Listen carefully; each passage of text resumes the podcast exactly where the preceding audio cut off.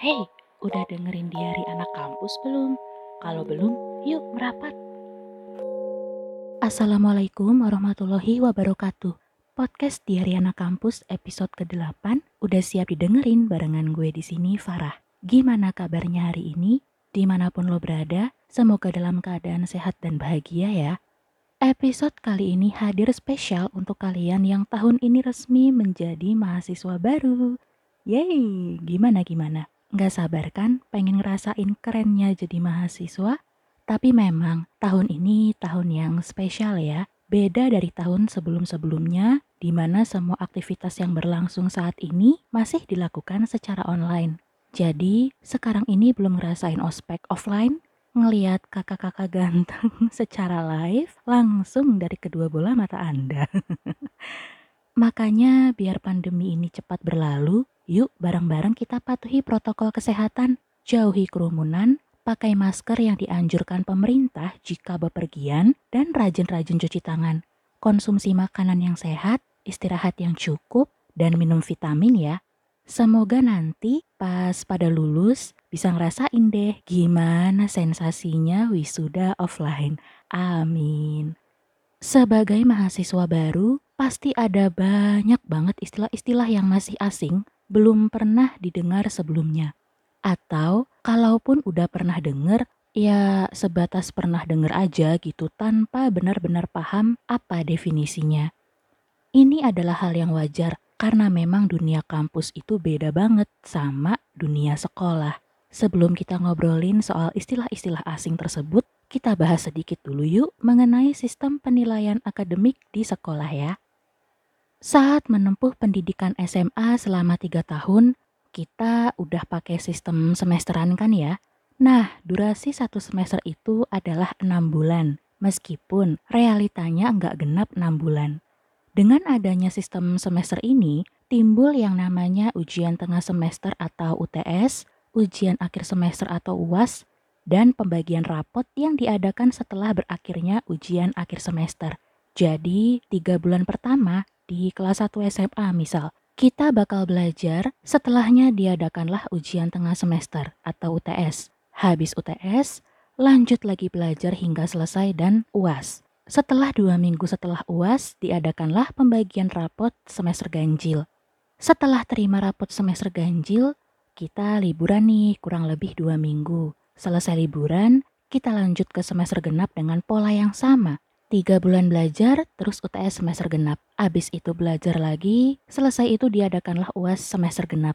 Setelah selesai semuanya, ditutuplah dengan pembagian rapot semester genap.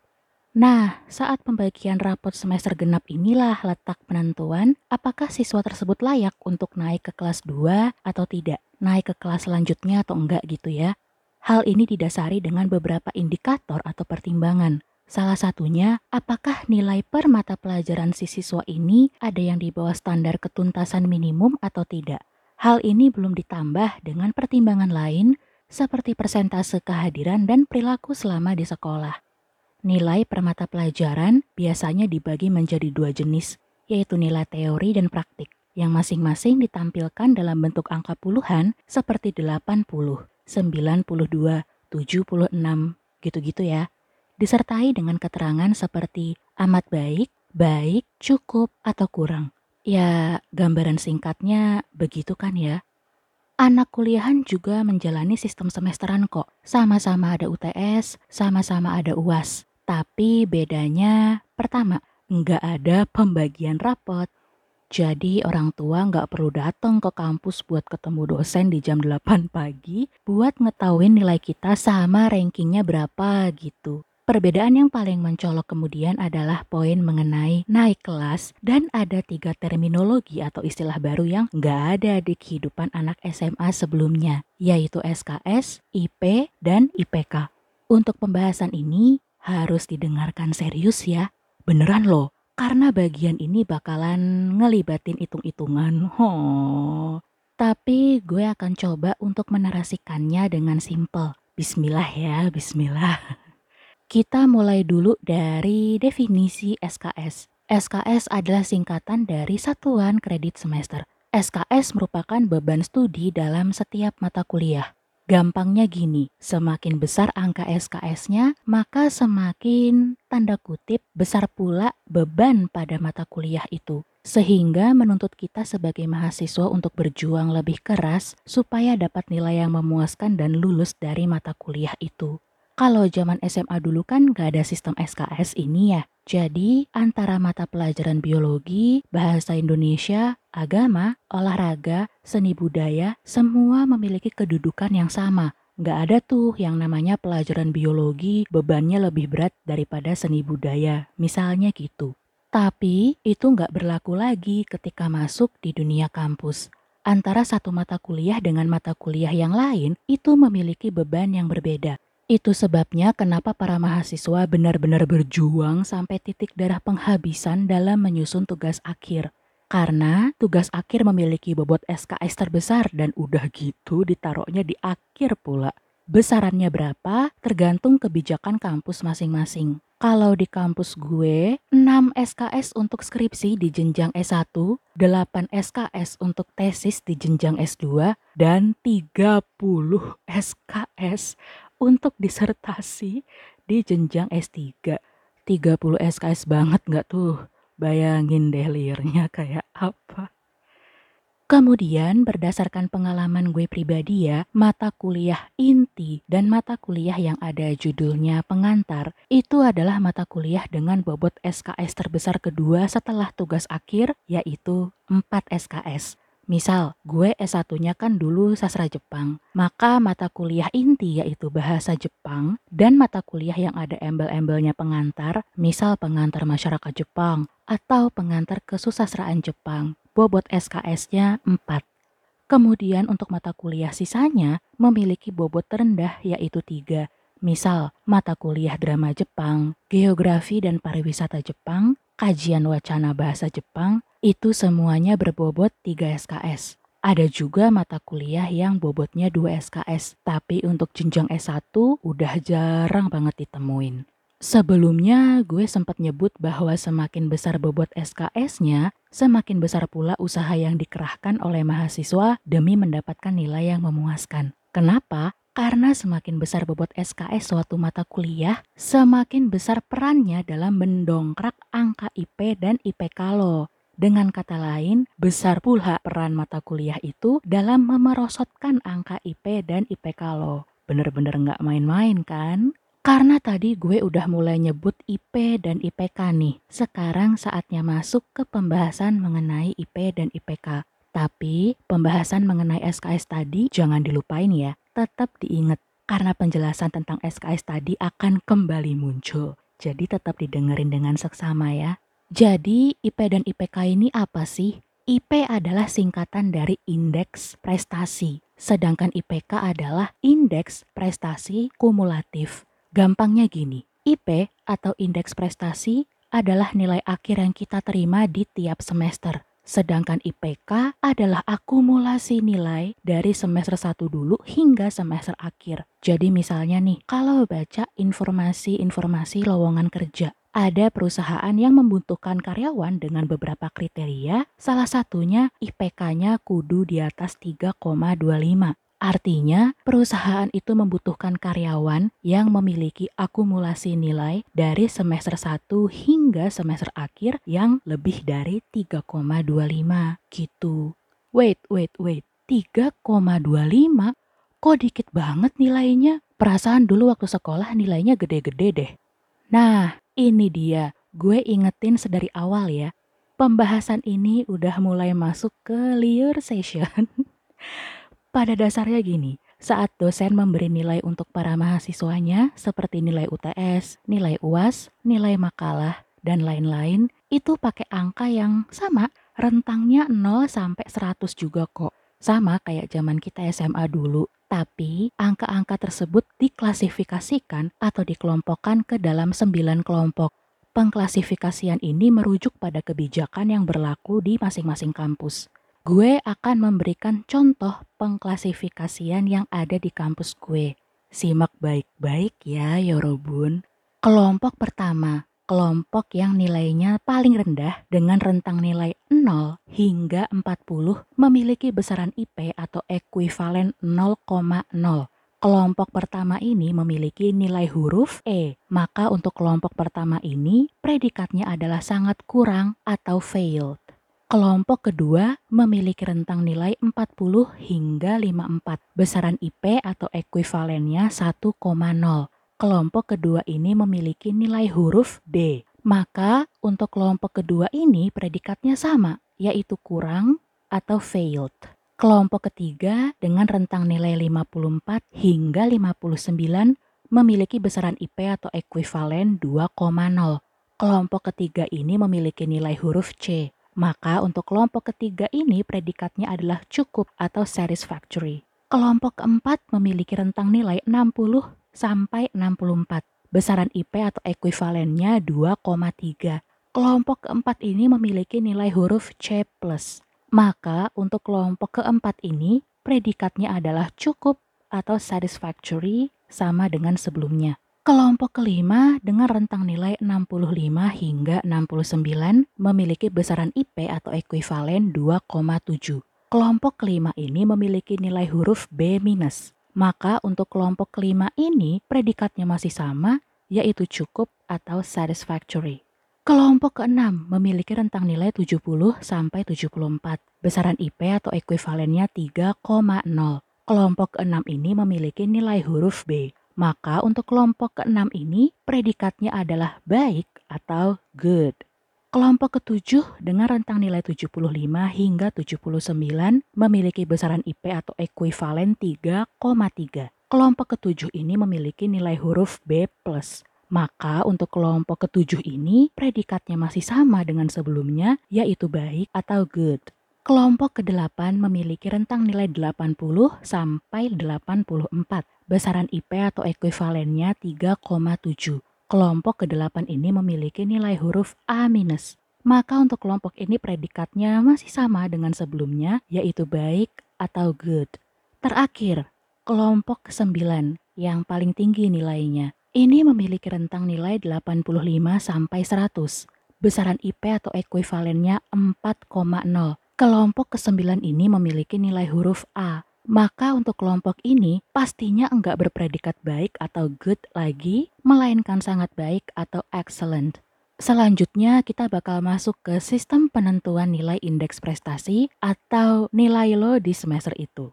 Gue ambil contoh pakai IP semester 3 gue saat S2 kemarin ya, karena mata kuliahnya dikit. Aduh ya Allah bongkar aib banget ini namanya. Jangan diketawain ya, jangan diketawain. Di semester 3, seorang Farah Sarayusa mengambil tiga mata kuliah. Iya, cuma tiga doang. Di program magister ya, mata kuliahnya tuh nggak banyak-banyak. Oke, mulai masuk ke pembahasan ya. Mata kuliah pertama yang gue ambil saat itu adalah seminar tesis. Bobot SKS-nya 3. Nilai huruf yang gue dapatkan adalah B+. Mata kuliah kedua adalah mata kuliah academic writing yang memang fokusnya adalah bagaimana cara menyusun jurnal akademik atau mempersiapkan publikasi ilmiah. Bobot SKS-nya 2 dengan nilai huruf yang gue dapatkan adalah A. Mata kuliah terakhir adalah perencanaan operasional pembangunan sosial. Bobot SKS-nya 2 dengan nilai huruf yang gue dapatkan adalah A-. Nah, untuk menentukan nilai angka dari masing-masing mata kuliah, caranya adalah bobot SKS dalam suatu mata kuliah dikali dengan besaran ekuivalen pada nilai huruf yang kita dapatkan. Oke, masih semangat kan ya buat dengerinnya? Jangan liar ya, gue akan coba bahas ini pelan-pelan. Seperti yang gue sebutkan tadi, mata kuliah pertama yang gue ambil adalah seminar tesis dengan bobot 3 SKS. Nilai huruf yang gue dapatkan untuk mata kuliah seminar tesis adalah B+. Masih ingat nggak pembahasan sebelumnya mengenai pengklasifikasian sistem penilaian di kampus yang ini loh kalau nilai hurufnya A berarti ekuivalennya 4,0. Kalau nilai hurufnya C+, berarti ekuivalennya 2,3. Yang gitu-gitu loh. Nah, berhubung gue dapat B nih, besaran ekuivalen B ini ternyata 3,3. Berarti nilai angka untuk mata kuliah seminar tesis adalah bobot SKS-nya yaitu 3 dikali dengan 3,3. Hasilnya adalah 9,9. Simpen ya, simpen. Nilai angka untuk mata kuliah seminar tesis adalah 9,9. Yorobun, gencana. Lanjut ya. Kemudian mata kuliah yang kedua adalah academic writing. Bobot SKS-nya kan dua. Dengan nilai huruf yang gue dapatkan waktu itu adalah A. Rumusnya masih sama. Bobot SKS dikali dengan besaran ekuivalen pada nilai huruf tersebut. Berarti 2 dikali 4,0. Hasilnya adalah 8. Simpen ya, tadi 9,9, sekarang 8. Mata kuliah terakhir yang gue ambil di semester 3 adalah Perencanaan Operasional Pembangunan Sosial 2 SKS dengan nilai huruf A-. Rumusnya masih sama, bobot SKS dikali dengan besaran ekuivalen pada nilai huruf tersebut. Berarti 2 dikali 3,7. Hasilnya adalah 7,4. Di semester 3 kemarin jadinya gue ngambil 3 mata kuliah dengan total SKS adalah 7. Rinciannya 3 SKS untuk seminar tesis, 2 SKS untuk academic writing, dan 2 SKS untuk mata kuliah perencanaan operasional itu. Sedangkan total nilai angka yang gue dapatkan di semester 3 ini adalah 25,3 itu didapat dari 9,9 ditambah 8 ditambah 7,4. Maka IP gue di semester 3 adalah total nilai angka yang gue dapatkan dibagi dengan total SKS yang gue ambil di semester 3. Berarti 25,3 dibagi 7. Ketemu deh, IP semester 3 gue adalah 3,61. Gimana? Mudah atau pusing, mumet. Aduh maaf ya, episode kali ini emang harus duet bareng matematika nih. Demi benar-benar memahami peran SKS, IP, dan IPK. Oh iya, gue singgung-singgung IPK nih. Besaran IPK ditentukan dari total nilai angka yang lo punya dari semester 1 sampai semester akhir dibagi dengan total SKS yang lo ambil dari semester 1 sampai semester akhir. Simple kan? Simple kan? Nah, semakin besar IP yang lo dapatkan di semester itu, semakin besar pula kesempatan lo dalam mengambil banyak mata kuliah. Untuk program sarjana, berdasarkan kebijakan di kampus gue ya, kalau IP lo kurang dari 2,0, maka SKS maksimum yang bisa diambil hanya 12 SKS aja. Berarti kalau rata-rata mata kuliah yang ada di fakultas itu besarannya 3 SKS, lo cuman bisa ambil 4 mata kuliah doang maksimal. Kalau IP lo semester ini di rentang 2,0 sampai 2,49, SKS maksimum yang bisa diambil adalah 15 SKS. Berarti maksimal 5 mata kuliah ya yang bisa diambil. Kalau IP lo semester ini di rentang 2,5 hingga 2,99, SKS maksimum yang bisa diambil adalah 18 SKS atau setara dengan kira-kira 6 mata kuliah yang bisa lo ambil untuk semester depannya. Kalau IP lo semester ini di rentang 3,0 sampai 3,49, maka SKS maksimum yang bisa diambil adalah 21 SKS atau kira-kira setara dengan 7 mata kuliah. Terakhir, kalau IP lo di rentang 3,5 sampai 4,0, SKS maksimum yang bisa lo ambil adalah 24 SKS atau setara dengan 8 mata kuliah yang bisa lo ambil untuk semester depan. Dari sini mulai tercerahkan ya, kenapa kalau udah mulai masuk kuliah tuh masuk bareng-bareng tapi lulusnya belum tentu bareng. Ada yang lebih cepat, ada yang ya memang normalnya segitu 4 tahun, ada yang bisa lebih dari 4 tahun nggak kayak zaman SMA dulu yang pasti gitu loh masuk bareng keluar bareng. Dari sini juga mulai tercerahkan ya, kenapa biasanya orang yang IPK-nya gede-gede tuh lulusnya cepat. Karena itu tadi, dia memiliki kesempatan untuk mengambil mata kuliah lebih banyak jika dibandingkan dengan teman-temannya yang besaran IP-nya lebih kecil darinya. Sayangnya, banyak maba yang masih belum menyadari bahwa sistem akademik di kampus dengan zaman sekolah dulu tuh beda. Semua udah benar-benar penuh di genggaman lo. Seperti yang sempat gue singgung di episode sebelumnya, yaitu episode ketujuh dengan judul relasi pertemanan anak kuliah. Ketika lo udah jadi mahasiswa, nggak ada lagi yang namanya dihukum atau ditegur dosen sebagaimana lo dihukum atau ditegur guru gara-gara nggak pakai atribut sekolah lengkap misalnya. Lo mau ke kampus bawa tas ransel segede gaban, atau bahkan cuman modal secari kertas sama pulpen colongan temen sekelas, nggak ada yang ngurusin. Rambut lo mau dicat warna hijau melon, mau di mohak, mau ngegembel modal kaos kemarin sama celana jeans yang dua hari belum dicuci, juga nggak ada yang ngurus. Lo ke kampus pakai mobil Ferrari, jalan kaki, naik angkot, bodoh amat.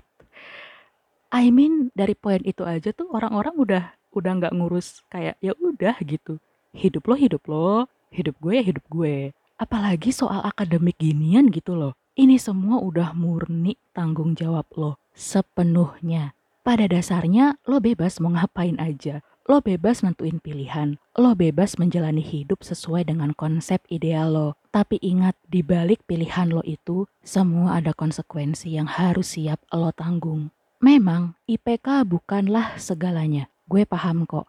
Sayang banget emang kalau masa-masa kuliah lo dipakai cuman buat belajar, belajar, dan belajar lo tetap berhak untuk melakukan kegiatan lain seperti berorganisasi, aktif di ragam kegiatan kepanitiaan, ikut macam-macam lomba, ikut program pertukaran pelajar, hingga aktif di UKM atau unit kegiatan mahasiswa. Um, atau kalau bahasa SMA-nya tuh ekskul lah. Lumayan kan bisa jadi modal isian di CV. Apalagi status kalian kan maba nih, mahasiswa baru. Pikiran kalian mengenai konsep ideal seorang mahasiswa tuh sangat berwarna. Pengen aktif ini, pengen aktif itu, pengen dapat IPK gede, pengen cepat lulus, pengen dapat beasiswa, pengen punya pacar kece, pengen jadi teacher's pet atau kesayangan dosen yang suatu saat bisa diajakin tiset bareng, pengen jadi wow, banyak pengen dah, banyak. I mean, I was there bro Gue pernah ada di titik itu, jadi gue sangat paham dan bisa ngebayangin idealismenya kalian. Tapi satu pesan gue untuk episode kali ini, setiap keputusan yang kalian ambil pasti mengandung konsekuensi yang harus siap kalian tanggung.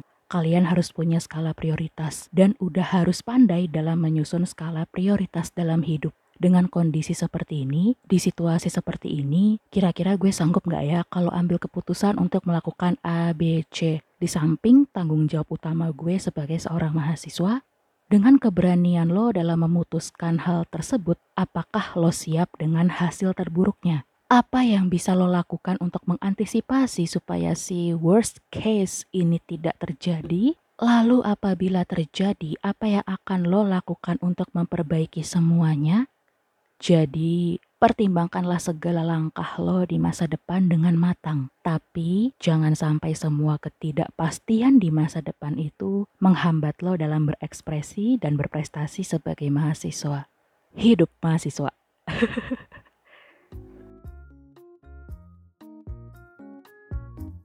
Terima kasih banyak ya karena telah mendengarkan Diari Anak Kampus. Nantikan cerita seru ala anak kampus lainnya di episode selanjutnya. Tetap semangat dan jadilah bintang untuk dirimu sendiri. Wassalamualaikum warahmatullahi wabarakatuh.